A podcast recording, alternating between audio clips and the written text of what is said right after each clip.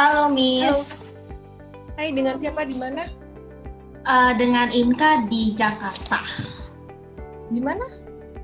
Di Jakarta. Oh oke okay, oke. Okay. Dengan siapa tadi sore putus-putus sorry. Inka.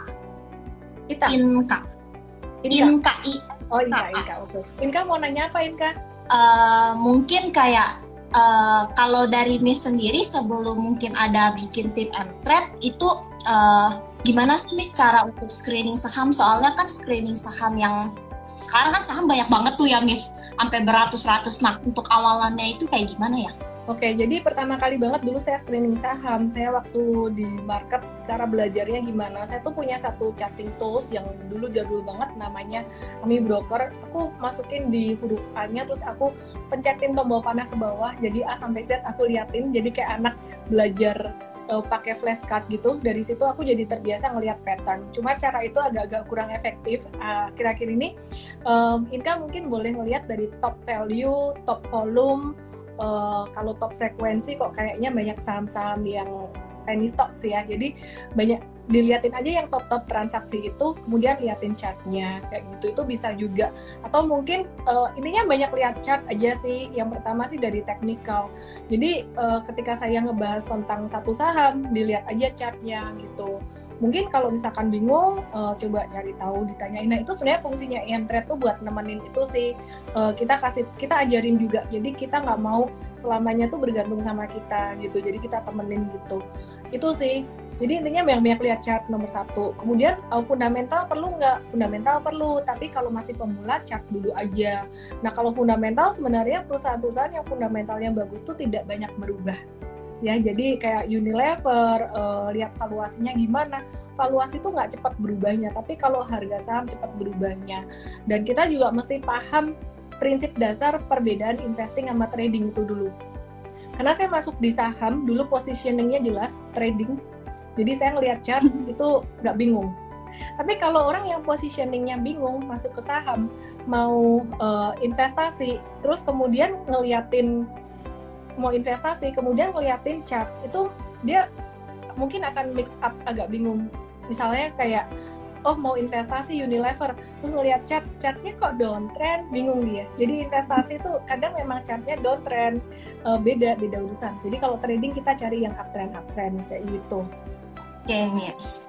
Um, mungkin kalau selanjutnya itu kan sekarang itu aku kira-kira ada dua nih account kan ya Miss. Tadinya aku mikirnya itu mau aku bagi nih untuk yang trading sama yang buat investing nih. Nah, uh, untuk yang trading kan ada beberapa saham yang lagi nyangkut. Contohnya kayak Pegas gitu. Menurut Miss sekarang Pegas itu yang kayak gimana ya Miss? Soalnya udah lumayan dalam juga kan.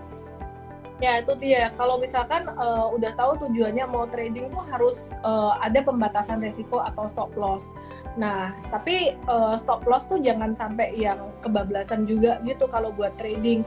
Kalau buat investasi lain cerita. Misalkan uh, misalkan mau investasi contoh ya ICBP atau Unilever. Contoh aja Unilever deh yang tadi habis dibahas dengan pertimbangan fundamental macam-macam, valuasi valuasi murah, masuknya di 20 April 6250 eh turun terus di sampai ke uh, eh, 5 Mei sampai angka sekarang jadi dari angka sekitaran 20-an April itu sampai angka terendahnya itu Unilever sempat turun sampai 12%.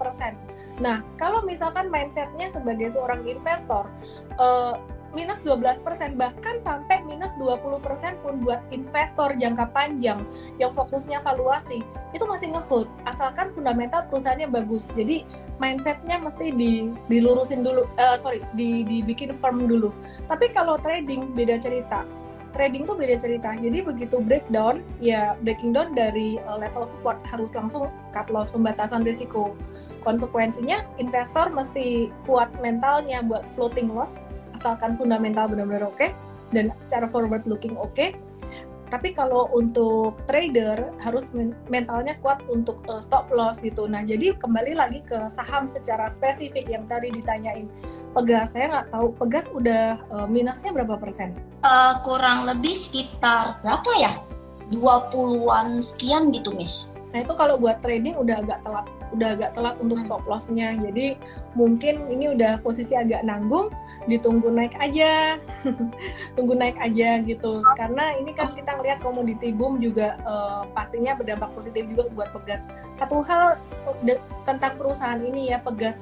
Saya tuh nggak terlalu bukan bukan saya sentimen sama emiten ini enggak tapi dari bertahun-tahun saya kalau misalkan trading dia itu tuh kayak kebanyakan side base nya gitu loh gerak geraknya tuh karakternya tuh nggak bisa cepat gitu jadi kemarin kita sempat uh, trading pegas kayaknya kena cut loss juga deh itu jadi ditunggu aja dulu deh, Pegas tuh resistennya sekitaran 1445 sampai 1480. Oke, Miss.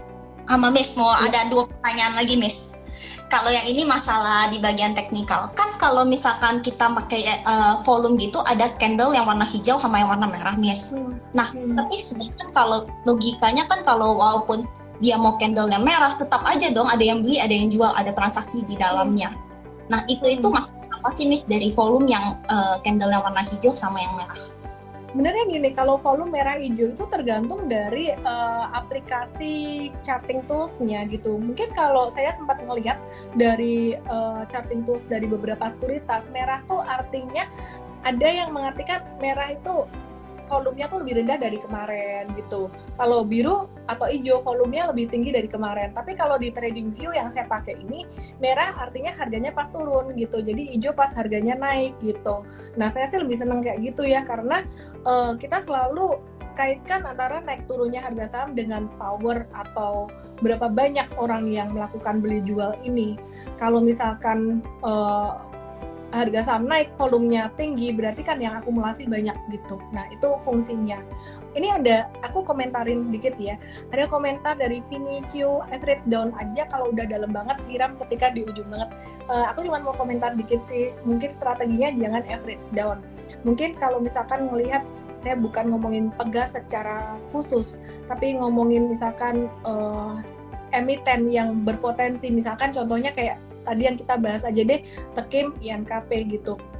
Misalkan beli uh, eh, TKIM atau INKP-nya terlalu awal dan ternyata dia menyentuh area support. Dia kena di area supportnya. Um, TKIM misalkan ya kena di bentar. Aku mau bahas tentang average down ya misalkan TKIM kena di area supportnya atau INKP sama aja lah.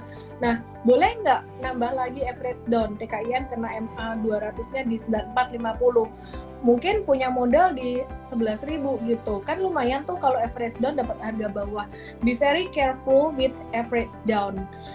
Boleh beli lagi jika plan di awal misalkan mau punya TKIM maksimal 20% dari portfolio ternyata baru punya 10 persennya, maka di bawah boleh beli lagi. Tapi kalau plan di awal ternyata maunya punya 20%, udah punya 20 bahkan lebih dari 20%, uh, mungkin punya 25%, itu jangan beli lagi di bawah. Kenapa? Because we never know the bottom of the market. Itu sangat berbahaya sekali gitu. Nah, kalau misalkan diterus-terusin kayak gitu, uh, kita nggak pernah tahu bottom market. Saya kasih contoh aja. TKIM di 9450 itu support MA 100. Ternyata dia breakdown lagi, breakdown lagi. Kalau misalkan di MA 200 ternyata breakdown lagi mau averaging down sampai ke berapa duitnya habis. Jadi nomor satu yang paling penting baik di saham maupun di kripto uh, money management di awal, aset alokasi gitu. Habis ini oh. Stephen Cahya siap ya? Uh, satu the last question yes. Boleh, uh, boleh. Mungkin untuk masalah di bagian aku tuh gak bisa bedain yang namanya uh, triangle sama penan. Itu bedanya gimana? Hmm. Bedainnya gimana, Miss? Bentuknya mirip, Miss. Sama falling wedge. Kan ujung-ujungnya juga rada-rada kayak segitiga gitu. Menurut Miss itu bedanya ya, gimana? Kalau... Udah segala macam. Symmetrical triangle itu tiangnya nggak tinggi, jadi dia ini ini sideways, terus dia breakout, terus kemudian dia sideways lagi langsung sideways gitu. Tapi kalau uh, pennant dia breakoutnya tinggi, terus kebentuk segitiganya di atas, jadi ada jarak gitu, ada ada dia ada jarak naik gitu. Nah itu yang pertama. Kemudian kalau uh, falling wedges bedanya gini kalau symmetrical triangle dan pennant kan segitiganya simetris ya turun dan naiknya tuh sama tapi kalau falling wedges ini yang atas turun yang bawah juga turun Stefan tunggu sabar dulu ya jangan pergi ya Oke, okay, Miss. Thank you, Miss. Oke, okay.